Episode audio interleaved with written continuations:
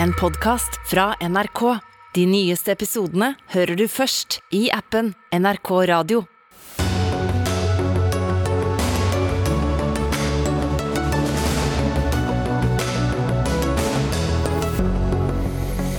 Lærerstreiken trappes kraftig opp fra uken, noe arbeidsgiverne de sier de ikke forstår noe av, hevder å ha lagt et løsningsforslag på bordet. Norges rareste kommune den består. Lokalpolitikerne avgjør at de to tidligere kommunene, Flora og Vågsøy, uten felles grense skal bestå som storkommunen Kinn. Men frustrasjonen, den består også. EU vurderer å sette pristak for import på gass, det som regjeringen ikke vil gjøre på strøm i Norge. Og hva er det som går og går, men går så fryktelig tregt? Jo, rekrutteringen av kvinner til toppstillinger i norsk næringsliv. Dette er eh, Dagsnytt 18 eh, tirsdag. Jeg heter eh, Espen Aas. Og vi starter med lærerstreiken, for nå øker presset på partene. Fra tirsdag nesten dobles antallet lærere i konflikt. Da skal ytterligere 3000 tas ut, og det totale antallet er på 6500. For første gang skal skoler i Trondheim og Bryne også omfattes, i tillegg til skoler hovedsakelig i Bærum og Bergen. Og når det gjelder sistnevnte, Mari Rørtveit, du er med oss derfra. Du er mor til en elev på Gimle ungdomsskole i Bergen. Og i Bergens Tidende i dag så retter du en klar appell til partene om å komme til eh, enighet. For du var på foreldremøte i åttende klasse du i går, og hvordan var det der? Jo, det stemmer. Det var jo litt trykket stemning, da. Det, er, det var jo rektor var til stede, men ingen lærere. Og eh, åtte tolker var til stede. Så det er jo litt trykkende, for alle, alle, foreldre ønsker jo at streiken skal være over. og Rektor uttrykker jo òg et ønske om at lærerne og hun ønsker at det skal komme tilbake til skolehverdag så fort som mulig. Mm. Og eh, Gimle skole var jo den første skolen som ble tatt ut, og de var mange som ble tatt ut i streik. Allerede før sommerferien. Ja, Du nevner uh, opptil flere tolker, Rørtveit, og det mener du har et poeng her. Hvorfor? Ja, det er jo, Hvis denne her streiken blir langvarig, da, så blir det vel kanskje lagt opp til at vi skal gjøre mer hjemmefra. Og Da er det jo ikke like lett for alle å forstå informasjonen om hva man skal sette i gang og hjelpe elevene med lekser, sine egne barn, når man ikke fullt ut forstår språket mm. og kommunikasjonen med skolen. Ja, For det er flere minoritetsfamilier ved, ved skolen, mm. og derfor måtte det altså være tolker til stede ved, ved foreldremøtet.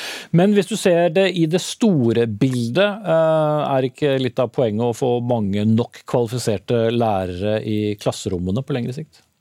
Jo, jeg støtter jo lærerne og deres rett til å streike, men jeg, KS og kommunen har jo et ansvar for å komme til forhandlingsbordet da, og forhandle med disse uh, organisasjonene. Uh, Utdanningsforbundet og Lektorlaget og andre.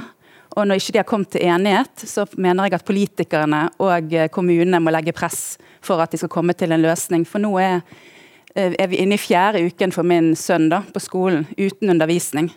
Og kommunene de er faktisk pliktige i henhold til opplæringsloven å gi elevene i grunnskolen en utdanning. Mm. For nå har det pågått for lenge? Nå har det pågått for lenge, nå, og de har fremdeles ikke satt seg til forhandlingsbordet. Så nå er det rett og slett på tide. Da takker vi deg av, eh, Mari Rørtveit eh, fra Bergen. Og så har vi partene i studio. Vi skal i utgangspunktet snakke med dere hver for dere, siden det er konflikt. Jeg begynner med deg, Tor Arne Gangsø, arbeidslivsdirektør og forhandlingsleder for KS, kommunenes interesseorganisasjon. Bare for å plukke opp det hun sa, da. Dere har et ansvar for å oppfylle retten til grunnskoleopplæring. Tar dere egentlig det ansvaret bevisst, sånn som det er nå? Ja, kommunen tar det ansvaret på høyeste alvor. Men kommunen tar også den rettigheten alle ansatte har for å streike. Sånn at vi har forsøkt etter beste evne å håndtere denne streiken på best mulig måte. Og så er vi i lik linje med alle foreldre og ikke minst alle elever, så beklager vi at eh, at utdanningsorganisasjonene har valgt å iverksette en streik. Og så er det jo selvfølgelig viktig for oss som parter å klare å komme oss ut av denne streiken, slik at eh, elevene kan komme tilbake igjen på skolen. Og Derfor så har jo vi, før siste, den siste varsla opptrappinga kom i dag, så har vi lagt fram, hadde et møte med Utdanningsforbundet der vi la fram et forslag som vi håper at Utdanningsforbundet vil se på. Jeg er overbevist om at eh, vi kan klare å fortsette den gode dialogen vi har hatt via Riksmekleren de siste dagene. Mm. Men uh, sist dere var her i studio, så sa dere jo veldig klart at KS har ikke noe mer å gå på. Så hva slags løsningsforslag er det da? Er det mer penger? Vi har ingen nye penger å komme med, men det er klart at vi har jo alltid et handlingsrom. Og Det tror jeg vi som parter skal få lov å få litt ro rundt. Det tror jeg ikke vi kan gå inn på her. og Det er iallfall ingen hensikt å prøve å diskutere disse løsningene i media. Vi har lagt fram et eh, forslag for Utdanningsforbundet i dag, på formiddagen i dag. og så håper jeg at Utdanningsforbundet går grundig gjennom det, og at de får tid også til å behandle dette. Fordi det er, det er krevende saker, dette her. Mm. Men, men, bare for å forstå, det er både penger og ikke penger? Jeg går ikke inn på innholdet. Det, vi, det skal vi som parter klare å diskutere på en ordentlig måte. Mm. Men mange stiller seg jo spørsmålet når dere har så klart gått ut og sagt at det ikke er mer å, gå på, så er jo spørsmålet om dere står ved det eller ikke? Vi står ved det. Vi, vi er nødt til å forholde oss til de rammene som kommunal sektor har til disposisjon for dette formålet. Eh, men, men, men, vi går ikke noe mer inn på dette nå. Nå er det viktig at partene får den arbeidsroen som skal til for å klare å komme videre. Mm. Men kan du svare på spørsmålet om eh, dette er en, å, å komme lærerne i møte når de sier at de har blitt hengende etter eh, år etter år? Det ville være dumt av oss å ikke forsøke å løse dette ved å komme lærerorganisasjonene i møte. Men vi må også finne den balansen som gjør at alle de andre organisasjonene som har akseptert den tariffavtalen vi har, kan leve med det resultatet vi får til slutt, til slutt. Mm. Du hørte moren fra, fra, Bergen her. Hun er veldig utålmodig. Hvor lang tid må hun og andre foreldre vente? Ja, nå har jo vi gitt et forslag til en løsning, og så blir det jo opp til utdanningsorganisasjonene å vurdere dette. Og jeg opplever at vi har begge to en god dialog med Riksmekleren også, som gjør et eh, passe press på begge parter for å få til en løsning som sikrer at elevene får den skolegangen de bør få. Mm. Ja, Steffen Handal, eh, du er leder for Utdanningsforbundet, som er en av organisasjonene som da er i, i denne konflikten. Eh, hva skjedde med det tilbudet som kunne kanskje ha løst dette, da dere fikk det i dag? Ja, vi, nå har vi eh, valgt å gå inn i en prosess som riksmekler eier, og det er vanlig kutyme i tariffverdenen at man når man går inn i sånne prosesser, har respekt for at det er prosesser som foregår der. og eh, jeg tror det er best at riksmekler egentlig tar ansvaret for prosessen. Jeg er litt overrasket over at eh, Tor Arne Gangsø velger å gå ut med at han har lagt fram et forslag til løsning. Altså, jeg tror foreldrene på Gimle og alle andre foreldre som er rammet, de er mest opptatt av at vi sammen skal finne én løsning som begge parter kan slutte seg til. og det å liksom, ja, snakke om én løsning som han har lagt fram, det, jeg tror ikke det bringer oss nærmere, nærmere en slutt på streiken. Det er vårt eneste mål. Det er å få slutt på denne streiken så fort som mulig. Ja, hva, hva, hva, betyr egentlig det du sier nå? Altså, er det lagt frem et løsningsforslag, eller er det ikke det, slik du ser det? Jeg har ikke lyst til å gå inn i akkurat det. Jeg overlater til Riksmekler i tråd med det som vi avtalte da vi var hos han, og at det er han som skal eie den prosessen. så jeg tror ikke noen er tjent med at jeg kommenterer det som har foregått der. Men, men er det da en prosess? Det er en prosess med riksmegler, det er det. Absolutt. Og hvis vi, eh, uten da å gå inn i detaljene som du er opptatt av å, å ikke gjøre uh, ut, fra, ja, ut, fra, ut, fra, spillereglene og hva som nå skjer, det er jo ganske klare uh, regler for hvordan slike prosesser skal gjøre. Går man nå inn, inn i en ny megling med Riksmegleren som kan munne ut i noe, eller hva, hva skjer? Jeg har ikke lyst til å kommentere det. Det er egentlig kanskje ikke så mye med hensyn til reglene, men eh, med hensyn til det som er best for prosessen. Jeg tror Tor Arne Gangs også kan underskrive på at uh, mange sånne prosesser er tjent med å foregå mellom partene uten at vi pålegger oss selv det presset utenfra som Tor Arne har bidratt til i dag. Men for meg så er det viktig å snakke til foreldrene først og fremst. Altså Vi som er lærere, og særlig de som er lærere på Gimle, de vet veldig godt hva dette betyr for elevene. og det er, det er ikke noe mål for oss å dra denne eh, streiken ut i tid. Men, men når dere eh, skal trappe opp med 3000 nye lærere fra, fra tirsdag, så virker det jo ikke som det er en prosess? Det er nettopp for å legge det nødvendige presset på eh, KS, sånn at de kan komme oss i møte. og jeg tror de som er interessert, de kan gå og se på historikken her om hvordan KS har håndtert lærerne opp igjennom. og det er det er, eh, det er, liten grunn til å være veldig fornøyd med det arbeidsgiveriet som KS har hatt med lærerne. Mm. Ja, men Det, det har vi for så vidt vært, vært, innom flere ganger, både før eh, konflikten og mens konflikten har vært i gang. Men det som du i hvert fall var veldig klar på da dere to satt hos meg i studio mm. før streiken var et faktum, var at her må det komme mer penger på bord. Står du fast ved det? At et, eh, et, et forslag til løsning som ikke inneholder mer penger, er ikke noe som dere vil vurdere? Det må mer penger på bordet, og det handler først og fremst om at vi må øke statusen til læreryrket. Vi må sikre at økningen til lærerutdanningen ikke går ned.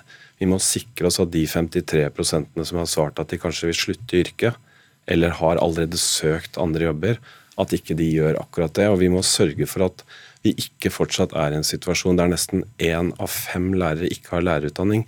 Det er ikke elevene på Gimle tjent med, det er ingen elever tjent med. Så om det, skulle ta veldig mange flere uker, så er det som er det førende?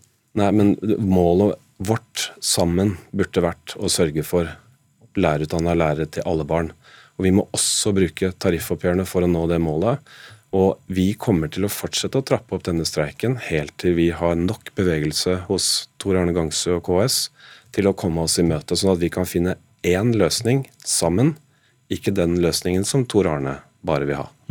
Så er det sånn, Fordi dere er i konflikt, så ønsker dere ikke å debattere mot hverandre, men eh, du kan i hvert fall få muligheten til å kommentere det som er sagt, hvis du vil det. Gangsøper. Nei, Det ser jeg ingen grunn til. Altså, vi, Kommunal sektor, og dette handler ikke om Tor Arne eller Tor Arne Gangsø. Kommunene er opptatt av å finne en løsning på dette. Og det er den eneste grunnen til at vi har lagt fram et forslag som vi håper at Utdanningsforbundet vil se nøye på, og som vi håper kan bidra til at streiken tar slutt, for vi mener at elevene fortjener ordentlig undervisning. Mm. Mari Rørtveit, derimot, du har forhåpentligvis eh, hørt på dette fra Bergen. Har du en eh, sluttkommentar? Det vil si at det er du ikke lenger, for der har vi en annen gjest som venter til neste debatt. Det var jo en strålende måte å runde av denne biten i Dagsnytt 18 på, men slik ble det. Tor Arne Gangsø, arbeidslivsdirektør og forhandlingsleder for eh, KS, og eh, også med oss i studio fra Utdanningsforbundet, Steffen Handal.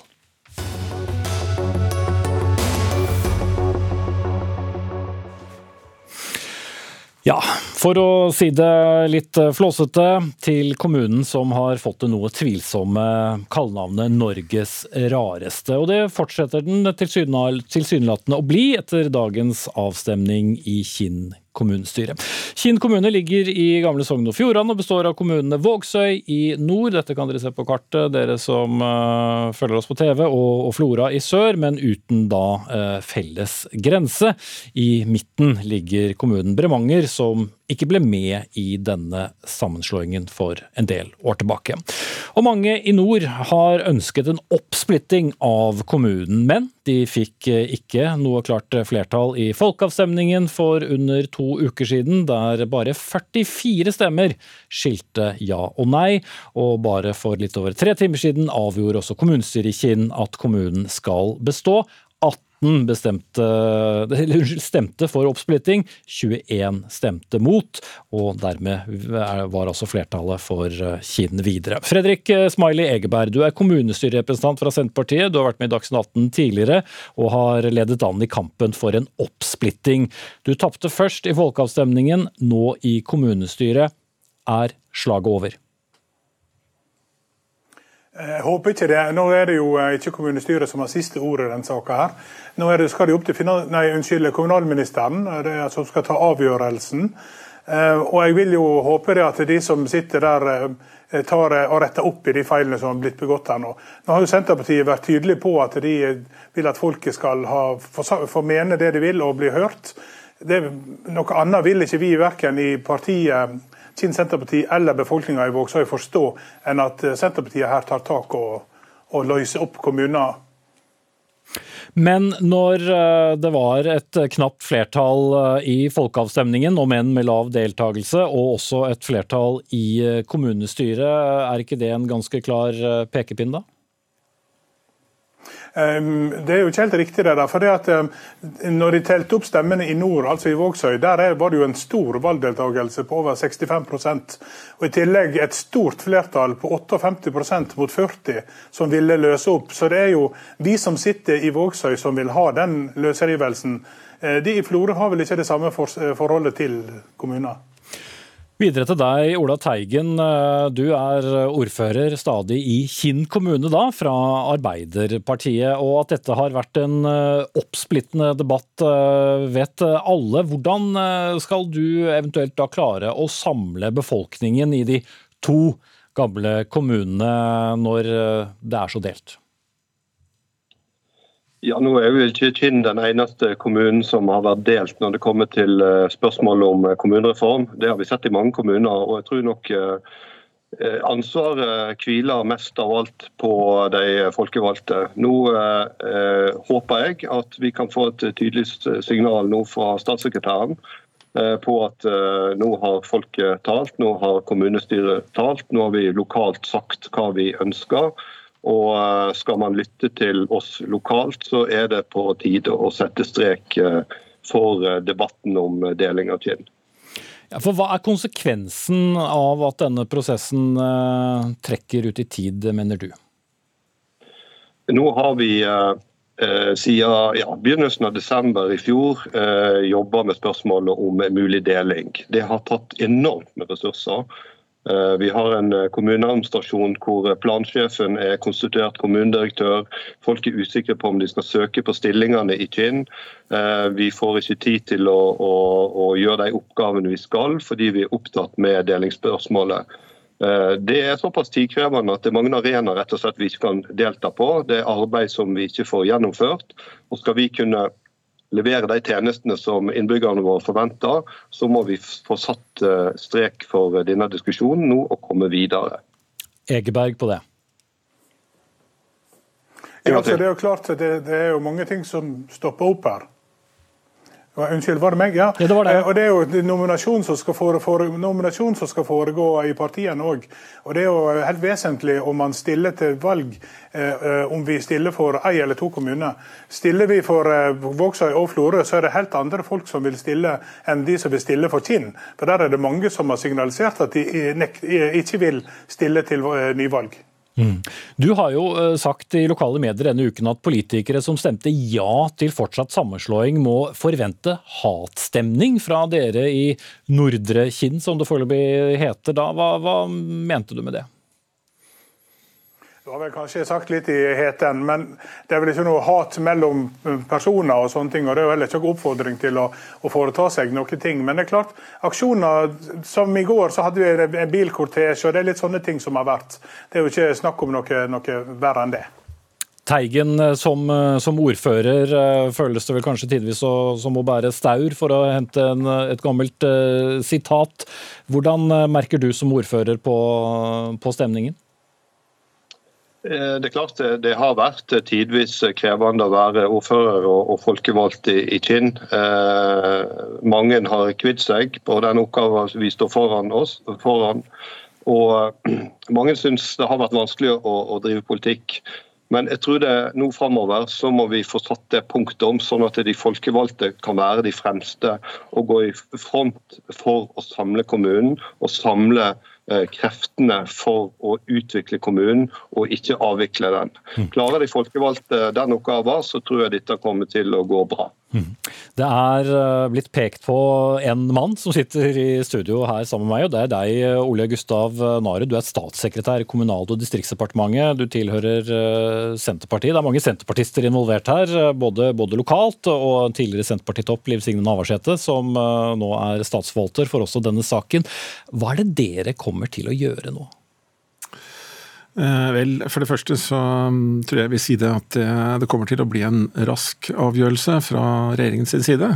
Og mm, det er eh, på sett og vis litt eh, trist også å høre hvordan denne saken sett, altså har utvikla seg i Kinn. Det er en, en, veldig veldig vanskelig situasjon som kommunen har vært oppe i, og er oppe i. Mm. Men, men, hva vil bli lagt vekt på? Vi har altså hatt eh, en rådgivende eh, folkeavstemning. Så har vi i dag eh, hatt en, et kommunestyrevedtak, eller en avstemning i kommunestyret, som mange tusen fulgte gjennom dagen, vet vi. Og hva, hva skjer da med, med dette? Er det Vel, I starten av den prosessen som nå er avslutta, eller er i ferd med å bli avslutta, han er jo ikke avslutta riktig ennå, så la regjeringen til grunn at vi skulle imøtekomme det som var flertallet i kommunestyret. Og det er det mest sannsynlig at regjeringen selvfølgelig også gjør på slutten. Statsråden har sagt eh, tidligere i dag at det er viktig at vi lytter til det som kommunen ønsker. Mm. Og det er et fortsatt eh, kinn? Flertallet i kommunestyret har sagt at de ønsker å fortsette med kinn. Mm. Eh, dette med sammenslåtte kommuner var jo en kampsak eh, i valgkampen. Er du tilfreds med at eh, det foreløpig vel bare er to kommuner som det nå blir splittet opp i, Kristiansand og Ålesund, hvor det ligger an til uttrekking av tidligere kommuner? I forbindelse med forhandlingene i Hurdal så ble regjeringspartiene enige om en prosedyre for tvangssammenslåtte fylker og kommuner. Og Den prosedyren har vi forsøkt også å føre fram, og nå er det bare eh, Kristiansand, Søgne og Sogndal som eh, står tilbake. Um, Haram får skille seg fra Ålesund. Ja, Hva jeg personlig mener, det tror jeg ikke vi skal Nei, Jeg tenkte på deg som Senterpartimann og statssekretær. Ja. Vel, Senterpartiet mener at kommunestrukturen er viktig, både for å opprettholde bosetting og for å ha et sterkt eh, lokalt folkestyre. Dette kan det jo være litt forskjellige oppfatninger om. Regjeringens politikk den kommer til uttrykk i Hurdalsplattformen. Mm. Men uh, for å sette det opp mot hverandre, da. Hvis vi skiller på regjeringen Solberg og regjeringen Støre, så er det det eneste som skiller dere på kommunefronten, er at uh, Haram fikk løsrive seg fra Ålesund. Og så kan kanskje Søgne og Sogndalen løsrive seg fra Kristiansand. Og ellers består det som den forrige regjeringen bestemte i sin regionreform. Det som skiller de to regjeringene, er jo helt åpenbart den fundamentale målsettingen. Solberg hadde som målsetting å få slått sammen så mange kommuner som overhodet mulig. Og det er ikke den nye regjeringens utgangspunkt. Egeberg, eh, var det dette du ville høre? Nei, det var jo selvfølgelig ikke det. Eh, men jeg tenker jo det at hvis Senterpartiet, som har vært eh, som talsmann omtrent for å, å høre på folkevilja, har tenkt å gå imot folkevilja i den kommunen her, så tror jeg at eh, jeg tror det skal bli tynt med, med både medlemmer, og jeg tror at folket kommer til å snu ryggen til partiet her lokalt. Kort på det til slutt, Nari. Nei, Det har jeg ikke lyst til å kommentere her i dag. Vi får ta den prosessen internt i Senterpartiet i fortsettelsen.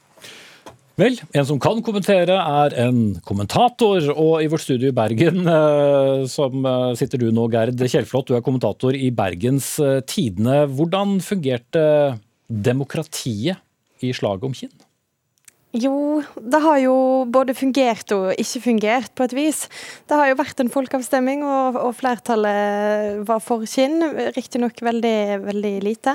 Og de er blitt hørt i kommunestyret, men det er jo som vi hører at i, i nordre del av kommunen så var det et tydelig flertall for oppdeling, eh, og de er ikke blitt hørt. Og de er jo færre der, og kan da på en måte ikke nå fram i en folkeavstemning på samme vis. Så de kan jo hevde at demokratiet ikke har eh, fungert, og, og føler seg overkjørt. Så vi ser jo tydelig her i dag at, eh, at selv etter hele denne prosessen, så sitter en igjen med mange skuffa folk som ikke slår seg til ro. Ja, for Det er noe med styrkeforholdet som du er inne på her, Kjell Kjellflot, med eh, en mindre kommune i, nord og en større kommune i sør. Både når det gjelder eh, innbyggere og ja, for så vidt litt av historikken her også.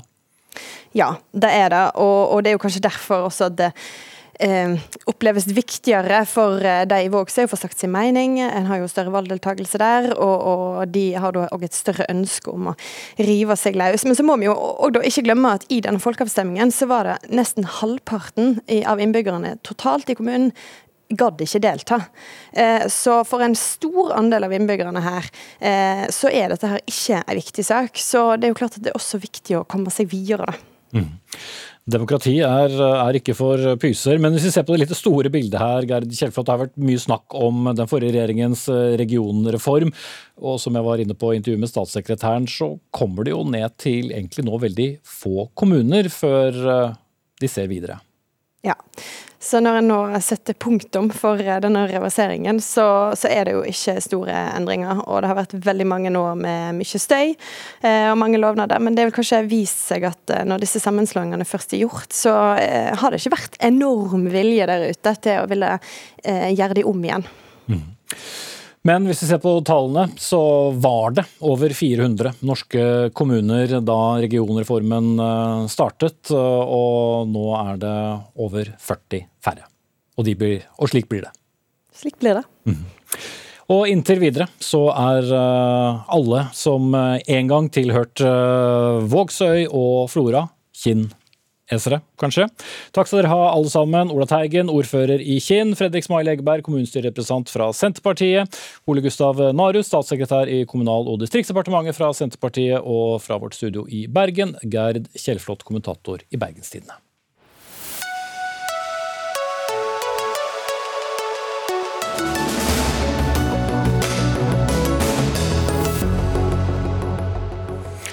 Du lytter eller ser på Dagsnytt 18. Eh, litt senere i eh, sendingen. Faren for en væpnet konflikt mellom Kina og USA er nå på 50% sier en seniorforsker som kommer til oss. Et eh, pristak på importert gass, ja det er et av flere tiltak som, som, skal diskuteres eh, rundt den svært vanskelige energisituasjonen i Europa. Også et tak på russisk gass. Fredag holder EUs eh, energiministre et ekstraordinært møte om energikrisen som har oppstått i kjølvannet av invasjonen av Ukraina. Og pristak, ja, det kan få konsekvenser for mange, også eh, den norske eksporten. Simen Ekern, du er korrespondent i Brussel. Hva slags avveininger er det som nå må gjøres eh, for å eventuelt få eh, vedtatt et pristak på, på gass? I disse fem punktene som EU-kommisjonens president eh, Ursula von der Leyen la fram i dag, så handlet det jo mest om eh, gass i rør og gass fra Russland. Men på spørsmål på pressekonferansen etterpå så bekreftet hun at det er et forslag på bordet som også handler om gass fra andre steder, kanskje også eh, flytende gass. Og der er det mange avveininger, naturligvis. For én ting er å innføre et tiltak i denne striden med Russland noe annet er det vel også å ta hensyn til leverandører i mange forskjellige land som har litt flere muligheter for hvor de skal eksportere eh, gassen sin, enn de som har eh, lagt rør som ligger fast, og som det tar litt tid å, skape alternativer for. Mm. Ja, og For å skille på de to tingene, Simen. Hvis vi nå starter med, med Russland og, og, det forslaget fra EU-kommisjonen om å sette et pristak på, på russisk gass. Eh, hvordan skal noen som en kunde kunne velge å innføre et pristak på det noen andre tilbyr? Nei, Vi ser jo på reaksjonene fra Vladimir Putin om at eh, man vil svare med å stanse eh, all eksport av all energi eh, til Europa. Dette ligger vel antageligvis inne i vurderingen, så man får vel gå ut fra at vurderingen er at det ikke finnes så mange alternativer for den russiske gassen, all den tid det ikke finnes flust med tomme rørledninger som ligger og venter på, på ny eksport. Så, så tanken er vel at alternativet da, hvis alternativet for Putin blir å eksportere til en fast lavere pris til Europa, eller å ikke eksportere det hele tatt, så, så vil han eh, foretrekke det, siste, eh, det første. Men, men, men, dette vet man jo ikke, og det er jo derfor eh, naturligvis disse planene om å, å frigjøre seg helt fra denne avhengigheten av russisk gass, som man nå har snakket om i månedsvis, den fortsetter jo. Og, det er klart at eh, en full stans er også en åpenbar del av de krisescenarioene som, eh, som diskuteres. Asgeir Thomasgaard, professor ved NTNU og direktør for eh, forskningssenteret FME Entrance, altså Norwegian Center for Energy Transition Strategies. Jonas Gahr Støre sa i et intervju med Financial Times i dag at Norge er åpne for å diskutere alle tiltak EU kommer med. Kanskje ikke så forpliktende alene, men kan det bety at Norge vil gå med på å ha et pristak også på den gassen vi har tjent eh, veldig godt på den siste tiden? Ja, det, det, som gjelder på norsk sokkel, er jo at det er de eh, aktørene, eh, olje- og gasselskapene, som selger gassen til, til kommersielle kunder i Europa. Og, og sånn vil det nok også være framover. Historisk har det vært sånn at en større andel av gassen har vært solgt på langsiktige kontrakter. Så det kan jo tenkes at det er noe sånt som, som blir antydet her, at en at en kan gå inn i den type diskusjoner. Men det er jo diskusjoner som de kommersielle aktørene normalt må gjøre, og det, og det, er vanskelig å tenke seg at de vil få pålegg av den typen. Mm. Og Simen Ekern, stadig med oss fra Brussel. Eh, markedet, det europeiske markedet, markedet må fungere. Altså Disse tingene er jo blitt gjentatt så mange ganger, og så kommer vi plutselig hit hvor det ser ut til å komme noen andre mekanismer. Ja, Det er jo helt riktig det. Samtidig så er det jo sånn i mange markeder at de reguleres på forskjellig vis. og Der har jo ikke EU vært fremmede for å legge noen politiske eh, føringer i bunnen heller, eh, når det, kommer til eh, skattesystemer i forskjellige EU-land f.eks. For så, så det er vel ikke utenkelig. og Det samme gjelder jo dette forslaget som von der Leyen også kom i dag, med et slags tak på hvor mye inntekter de kraftprodusentene som nå produserer billiggass og, og, og selger dyrt, kan ha, og at EU vil gå inn og og si at disse skal redistribueres, gis tilbake til medlemslandene, som deretter kan fordele dem blant sine innbyggere. Så det er jo eh, store og vidtrekkende tanker, og så får vi se hva de helt konkrete konsekvensene av dette blir. Men, men det er ganske åpenbart at man eh, vel føler i EU-kommisjonen at man har, og i EU-landene at man har en del politiske verktøy eh, i kassa. Og hvis de må brukes, så kommer de til å bli brukt, for man vet hva slags vinter som eh, er i vente, og, og kanskje ikke bare den førstkommende vinteren, men den neste også. Eh, og i lys av de dramatiske scenarioene så tror jeg vi kan komme til å se en del uventede tiltak. Det er i hvert fall ikke umulig å tenke seg. Mm. Kald, vinter. Thomas Gahr, eh, hva, de, hva, kan bli de litt mer langtrekkende konsekvensene av å, å gjøre såpass mye med, med gassmarkedet? Det er det som er den store risikoen hvis en velger å gå inn på et pristak. og Jeg tror det i hovedsak er retta inn mot uh, Russland, nettopp fordi at Russland har redusert volumet så, så, kraftig inn til Europa, og, og, at prisen som en konsekvens har gått opp, sånn at Russland tjener penger og Europa taper.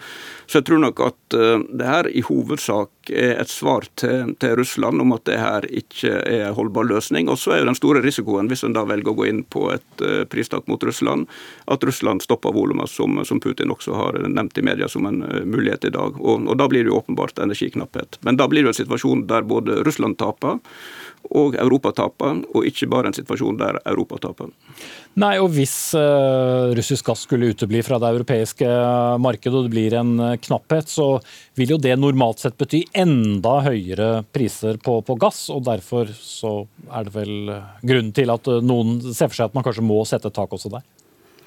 Ja, den, En kan jo si at uh, det norske gassystemet det går jo på full eksport. Det eksporterer så mye gass som vi har. og Det er vanskelig å tenke seg uh, ja, Et pristak vil i hvert fall ikke øke volumet som går inn i Europa fra Norge. Så, så her tenker jeg at uh, at uh, hovedsak vil disse tiltakene være retta mot uh, Russland. Men det er også interessant å se på de tiltakene som de gjør mot uh, strømmarkedene samtidig. Mm. Det får bli en annen diskusjon. Takk til Asgeir Thomasgaard ved NTNU og Simen Ekern, vår korrespondent i Brussel.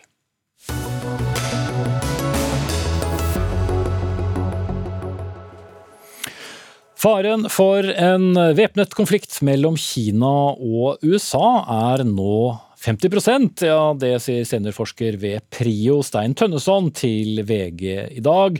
Årsaken er den økte spenningen rundt Taiwan. Og Stein Tønneson, du er med oss. Du sier at eh, denne eh, faren for eh, økt konflikt, eller den økte faren for konflikt, for å stokke ordene riktig, økte med spenningen over Taiwan. Men hva er det som spesielt slår inn der? Jeg vil si det først at Det er ikke noen umiddelbar fare for krigsutbrudd nå. Jeg tror nok at Xi Jinping nå ønsker ro foran partikongressen som han annonserte den 16.10. Og etter det så vil han ønske å møte Biden og andre statsledere på G20-toppmøtet i Indonesia. Så jeg tror det kommer til å roe seg for denne gangen. Men den krisen som har vært over Taiwan, den har økt min frykt for krig mellom USA og Kina, kanskje i neste Taiwan-krise, eller over et annet spørsmål. Og Det skyldes den veldig kraftige midlene som ble brukt i denne krisen. Altså Først det at Nancy Pelosi som leder for Representantenes hus besøkte Taiwan, selv om hun ble advart mot det av landets militære og tilsynelatende av Biden.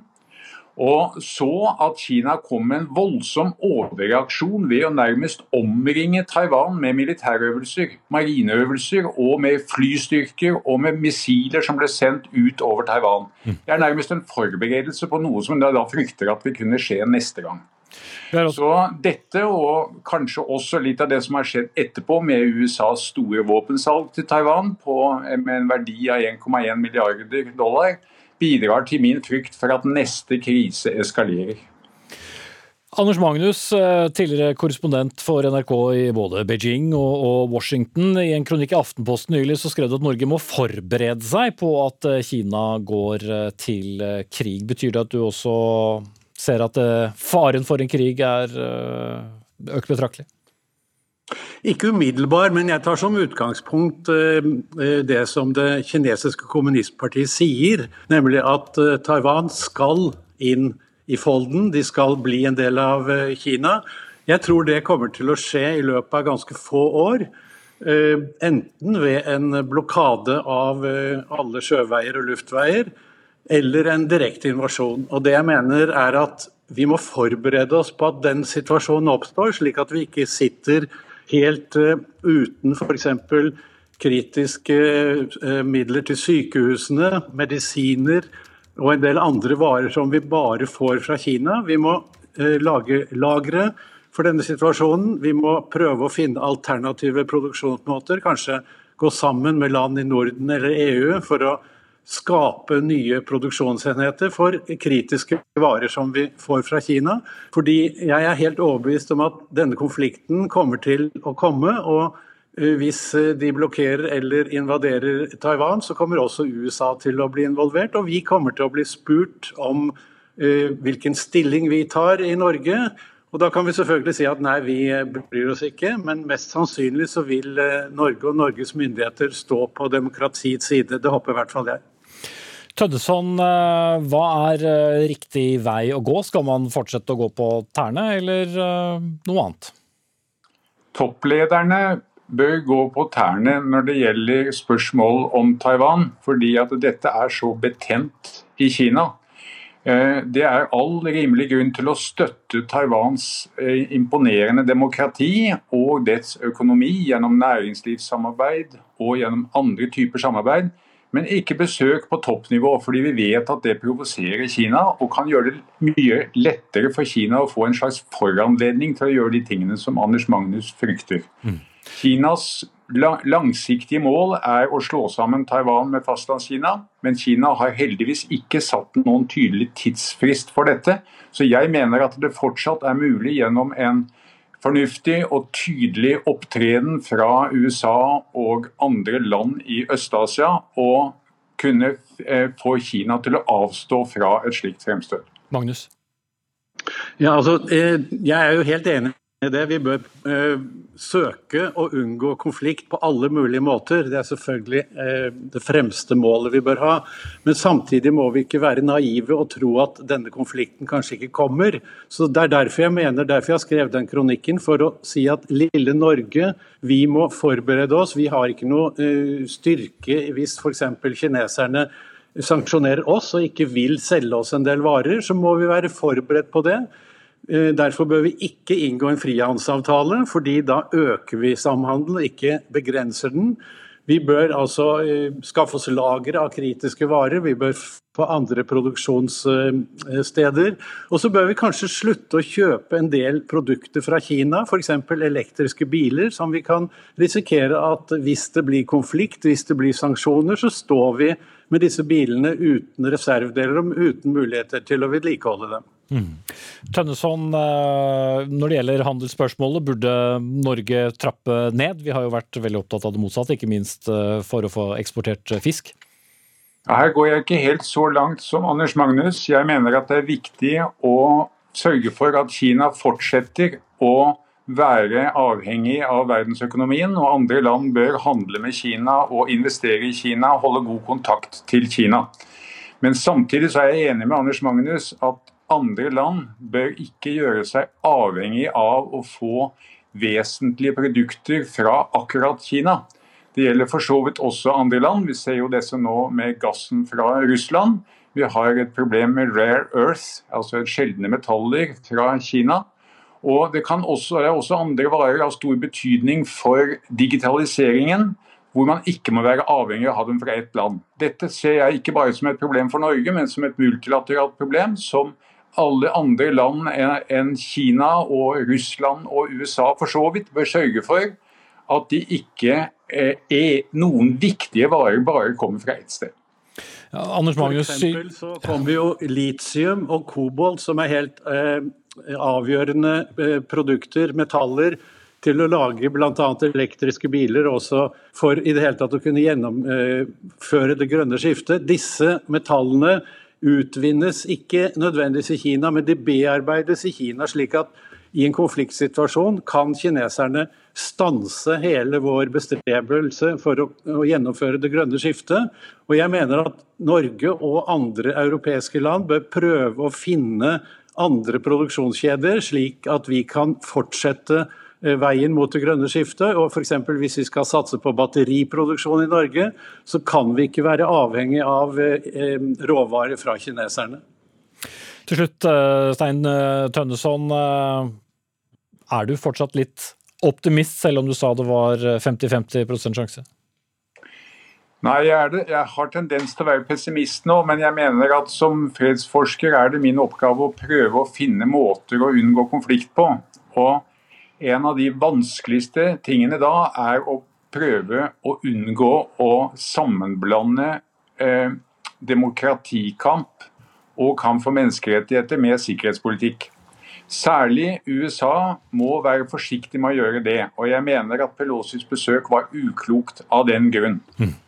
Ok, vi eh, setter eh, strek for denne samtalen, men ikke diskusjonen videre. Helt klart. Stein Tønneson, seniorforsker ved PRIO, og Anders Magnus, tidligere korrespondent for NRK både i Beijing og Washington.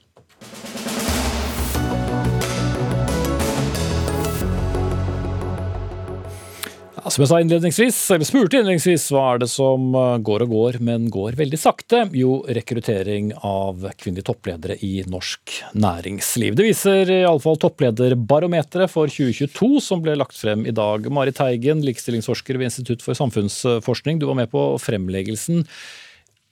Forstår vi hvorfor dette går så tregt? Det er, nok, det er, nok, eh, mange grunner til at, eh, at, det går tregt. Eh, en av grunnene er nok at det er veldig attraktive posisjoner som, som, man holder på og ikke gir fra seg så lett. Men samtidig så er det, det er et stort potensial på toppen av næringslivet. Fordi det er også ganske, ganske høy turnover, sånn at eh, Så mange som skifter jobb? Det er rett og slett mange som skifter jobb, og, og det betyr jo også at, eh, at, hvis man vil, og hvis likestillingen ikke hadde vikeplikt, som den kanskje har i mange sammenhenger, eh, så er det et stort potensial for, endring. Mm, det syns jeg har hørt eh, noen ganger, men vet vi noe om det er problemet at styrer som ansetter toppledere, ikke vil ha kvinner, eller er det ikke gode nok kvinner å velge, eller nok kvinner, for den saks skyld? Ja, altså for, eh, for, noen år siden så, så, hørte man jo det veldig ofte som et argument at det var for få kvinner å ta av. Og den situasjonen har endra seg egentlig betydelig. Hvis vi bare ser på utdanningskompetansen til kvinner, også store endringer i hvilke typer utdanninger Eh, man tar der f.eks. veldig kjønnsbalansert på NHH, og også arbeidserfaring, karriereorientering og sånt. Og disse tingene har endret seg veldig mye, så jeg tror nok at man må søke svarene mer i hvordan arbeidslivet fungerer, karriereplanlegging, eh, arbeidsprosesser som, som, fungerer dårligere for den som har kanskje hovedansvaret for familieomsorg. Kvotering, ja eller nei? Altså Kvotering til bedriftsstyrer, jeg syns det er et uh, ganske spennende forslag. fordi at uh, sånn som vi har hatt det til nå, så har det jo eh, gjeldt for styrene i allmennaksjeselskapene. Men det vi så ser i Core topplederbarometer, er jo at i de private AS-selskapene så er det mye færre kvinner. Og det er også eh, faktisk nesten en tredjedel av de private aksjeselskapene som har bare menn i styret. Så her eh, skjønner man jo i hvert fall hvorfor regjeringen kunne tenke seg litt pisk da, for å få til endring. Ja, Anette Trettebergstuen, likestillingsminister først og fremst nå da, fra Arbeiderpartiet. Må man fram med pisken, eller skal vi slå oss til ro med at det kanskje ikke skal være likestilling alle steder? Nei, vi skal ikke slå oss til ro med det, for det er riktig som du sier, programleder, at um vi har hørt at det har vært potensial veldig veldig lenge nå, men det går så utrolig tregt. Noe som ikke minst det nye topplederbarometeret som Kår presenterte i dag. Eh, sist gang var jo for to år siden, så man følger jo dette her annethvert år, egentlig. Får man oppdaterte tall, og det går fram i sneglefart. Ett prosentpoeng fra 18 ja. til 19 på to år. Og det holder ikke, altså. Og det er jo også noe av grunnen til at regjeringa er utålmodig. Vi skal jo føre mer offensiv likestillingspolitikk, nettopp fordi at eh, man er nødt til å gjøre mer for at likestillinga skal gå framover. Men, men en slags form for pisk, da? Ja, vi må gjøre mye. Nå har vi eh, akkurat fått på plass en ny og forsterka aktivitets- og redegjørelsesplikt, der man må drive og kartlegge lønnsforskjeller mellom kjønn osv., som vil bli et nyttig redskap. Men dette er grunnen til at eh, næringsministeren og jeg også har sagt at uh, før jul en eller annen gang så skal vi sende ut et forslag på høring om å innføre um, kvoteringskrav til alle aksjeselskapene, ikke bare allmennaksjeselskapene uh, og statlige selskaper, men alle AS-ene. For vi ser jo det at eh, er det noe som er tilnærma en slags quick fix på et problem, så er det kvotering. Mm. Politisk styring av norsk næringsliv?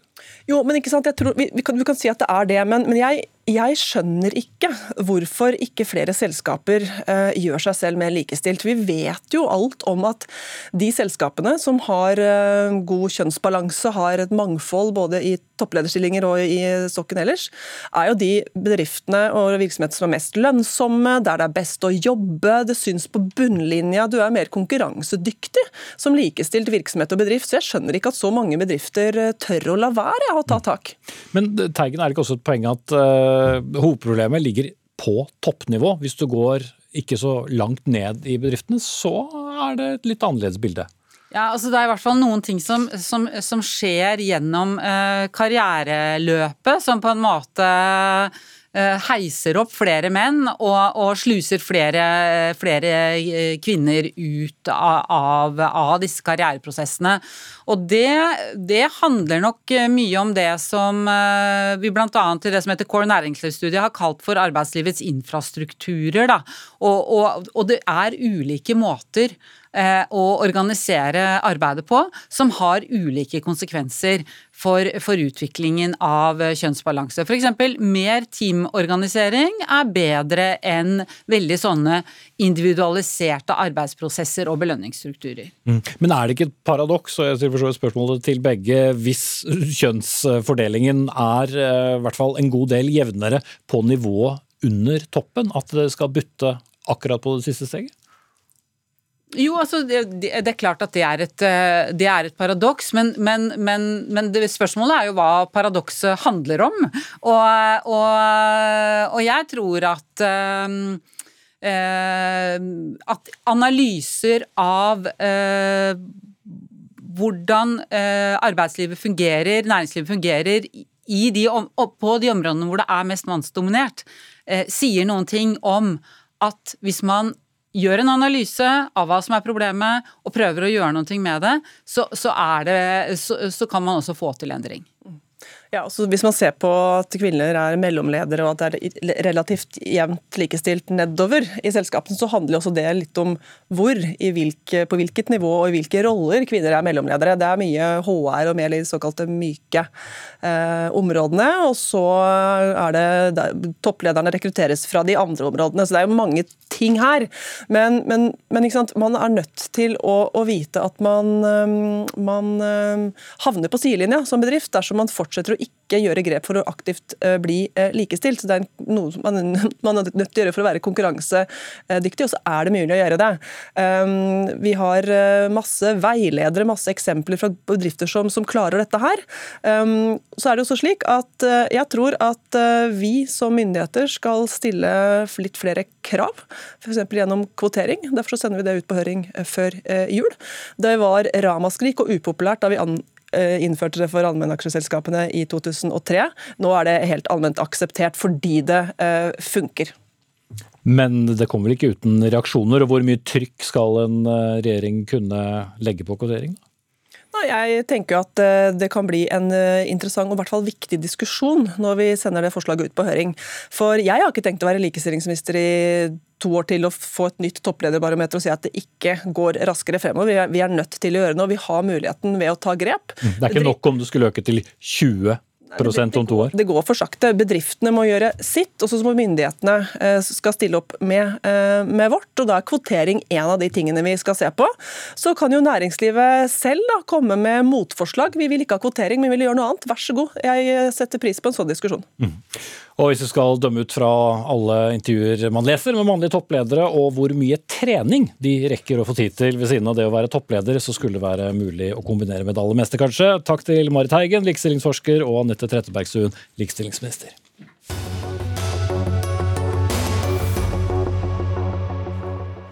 Oljefondet, eller Statens pensjonsfond utland, må bruke eiermakten sin mer aktivt for å sikre ytringsfrihet. Ja, det konkluderer Ytringsfrihetskommisjonen med i rapportene som de nylig la frem.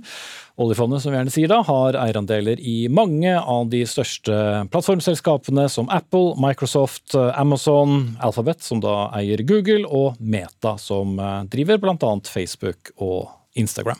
Kjersti Løkken Stavrum, du har ledet Ytringsfrihetskommisjonen. Eh, hva er det oljefondet burde gjøre med sine eierandeler?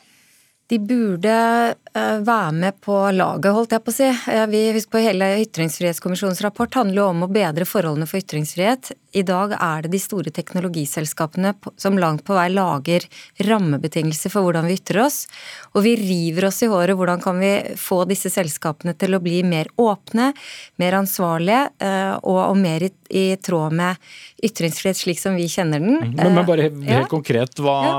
hva da, du river deg i håret ja, for? Og da er det sånn at vi har da et, eh, en, eh, et, oljefond som er gigantisk, og som har store eierandeler i alle disse selskapene.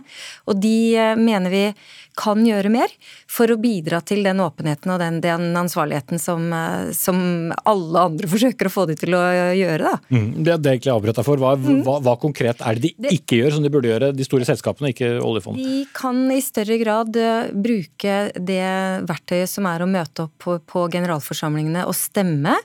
Eh, stemme fram eh, forslag som går i den retning, og eh, kan også legge fram forslag selv. Mm. Ja, Karine Smith Inacho, direktør for eierskap og etterlevelse i oljefondet, eller Norges Bank Investment Management. Det var jo ikke så lenge siden dere sto i Arendal og fortalte stolt hvor mye dere brukte eiermakten deres til, men hvordan står det til på ytringsfrihetspunktet? Ja, ytringsfrihet er viktig for oljefondet. Og det er klart at vi kan bidra til å fremme ytringsfrihet ved å være en aktiv og ansvarlig eier. Og der er jeg helt enig med det som står i kommisjonen, at vi har en rolle. Men poenget er at vi tar den rollen. Vi er en aktiv og ansvarlig eier. Og ikke minst er vi det i de store teknologiselskapene. Der, der har vi jo svære investeringer. Selv om vi kanskje det utgjør bare ca. 1% så vi er jo en minoritetsaksjonær. Men vi bruker de verktøyene vi har, som en aktiv eier. Ja, hva har dere gjort da som har endret eh, på dette? Ja, de verktøyene vi har, det er jo å snakke med selskapene, såkalt selskapsdialog. Og så er det stemme på selskapenes generalforsamling. Og vi stemmer på 100% av forslagene på selskapenes generalforsamling. Og når det gjelder de store teknologiselskapene, så har vi over flere år hatt samtaler om nettopp ytringsfrihet, om plattformstyring, om hvordan selskapene skal håndtere fake news, hatefulle ytringer, desinformasjon. Og på selskapenes generalforsamling har vi støttet mange forslag som nettopp går på ytringsfrihet og større åpenhet fra selskapenes side. Så dette er noe vi har arbeidet med i flere år, og som mm. vi vil fortsette å arbeide med. Men kort, har det hjulpet? Altså, det vi ser eh, sånn generelt, det er at selskapene beveger seg i retning av våre forventninger. her er det en kjempeutvikling når det gjelder teknologiselskapene. Stadig nye problemstillinger som kommer opp. Men det vi ser, er at selskapene blir bedre, selv om fortsatt det er en lang vei okay. å gå. Men f.eks. Apple, eh, som vi har hatt lagd dialog med, de kom i år med da, for første gang en rapport om nettopp om hvordan de håndterer menneskerettigheter, og herunder ytringsfrihet. Mm. Ja, Kjersti Løkken Stavrum, det er jo ikke sånn at vi er majoritetseier i noen av disse store multinasjonale selskapene, så resultatene blir vel uansett noe begrenset? Ja, men vi er en gigantisk eier på verdensbasis. Vi er en toneangivende eier, eh, og vi vil bli lytta til når vi, når vi ønsker å, har ha noe på hjertet.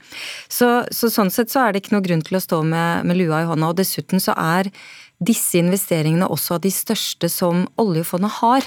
Altså De fire største investeringene var ved nyttår nettopp disse selskapene som, som har veldig mye innflytelse på vår ytringsfrihet. Og jeg, jeg, har jo fulgt dette i flere år. Jeg syns det har vært interessant å se hvordan eh, oljefondet har stemt. De har stemt eh, i hytt og vær eh, tidligere.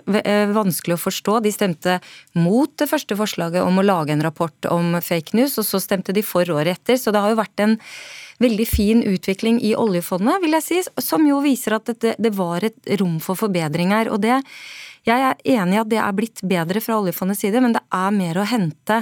Eh, jeg Bare svar på det i en Nacho først. Ja, det, vi er ikke enige at vi stemmer i yttergevær, for vi har helt klare stemmeretningslinjer som blir oppdatert hvert år, og som vi legger ut som er åpne for alle. Og så er det jo riktig, som Kjersti sier, at det har vært en utvikling når det gjelder vår stemmegivning. Det er helt riktig, vi stemte mot et forslag i Facebook som i 2017, som vi siden eh, de eh, årene etterpå har stemt for. Eh, men det var første gang vi så den problemstillingen. Vi utvikler jo også arbeidet vårt etter hvert. Og vi syns det er kjempefint at folk kommer med innspill til hvordan vi stemmer. Vi er helt åpne om å stemme. Vi kan faktisk se fem dager før generalforsamling hvordan vi har tenkt å stemme. Men vi har helt klare retningslinjer som setter føringer for hvordan mm, vi stemmer. Men det er klart, arbeidet utvikler seg etter hvert som, som, nye problemstillinger kommer til. Ja, ikke sant. Og retningslinjer utvikler seg, tenker jeg da. Så jeg, bare nevne, har lyst til å nevne et par eksempler som viser at det fortsatt er forbedringspotensialet. Fordi at nå har oljefondet eh, stemt eh, mot en rapport, eh, forslaget til at Google skulle lage en rapport der de viser hvilke, hvilke krav regjeringer har hatt om å ta ned, fjerne innhold. Det ville vært veldig interessant å vite. og den og det andre som man også har stemt mot, som jeg tror ville vært veldig verdifullt, hadde vært hvis disse selskapene ble bedt om, som det var foreslått på generalforsamlingen, at de skulle lage en rapport der de jo vurderte risikoene ved å gå inn i land eh, som, har, eh, som svikter når det gjelder menneskerettigheter. Og hadde, man, hadde, hadde, de stemt for det og fått gjennomslag for det, så er det klart at da ville vi plutselig hatt en, et helt annet innsyn, og disse selskapene ville gjort helt andre vurderinger om sin egen virksomhet i land som, som jo er motsatt av det norske.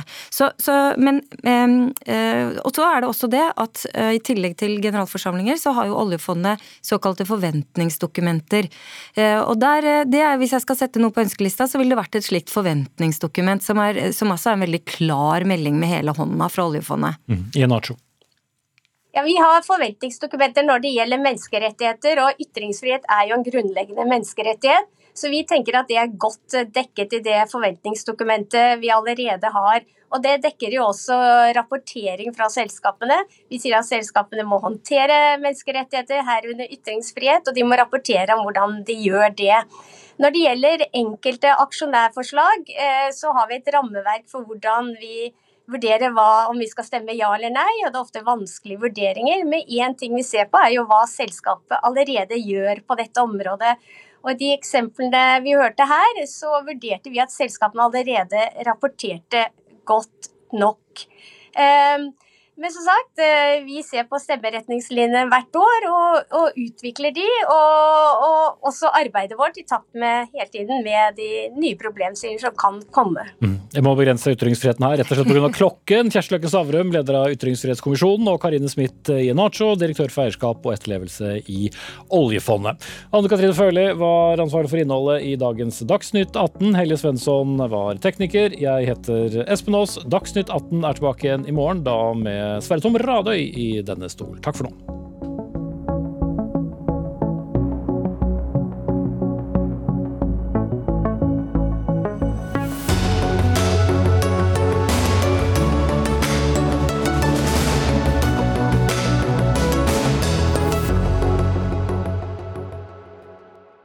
Du har hørt en podkast fra NRK. De nyeste episodene hører du først i appen NRK Radio.